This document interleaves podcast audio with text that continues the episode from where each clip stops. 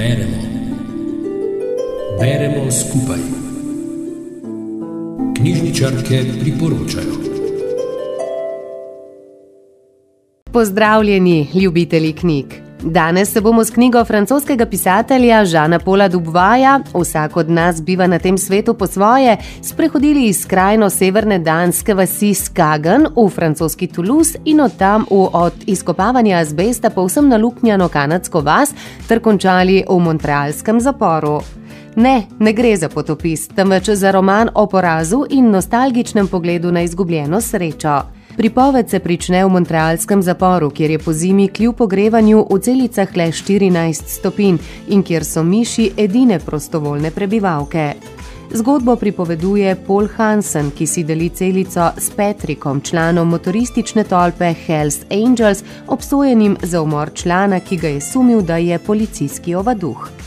V miniaturni celici, ki se imenuje apartma, si zapornika delita straniščno školko, obupno hrano, nočne more in napade panike. Delita pa si tudi zgodbo polovega življenja.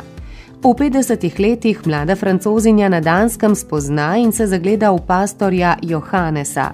Naselita se na jugu Francije, v njenem Toulouseu, kjer se rodi edinec Pol.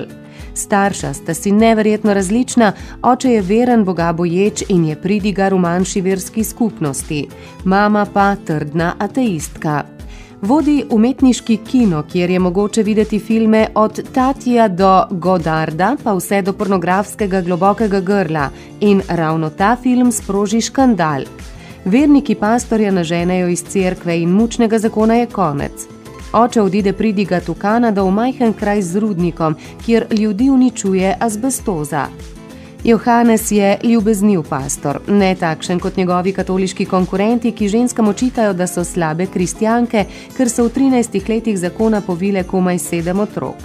Sin Paul obišče očeta v Kanadi, njegov obisk pa se spremeni v trajno bivanje in študij zamenja za obrtniška dela. Očetova vera je vedno bolj majava, zateče se v igre na srečo in tega pokončajo. Pol zapusti z azbestom zastrupljen kraj in v Montrealu se zaposli v rezidenčni stanovanski hiši. Tu dela kot vrtnar in hišnik, pa tudi tolažnik in popravljalec duš nekaterim so stanovalcem.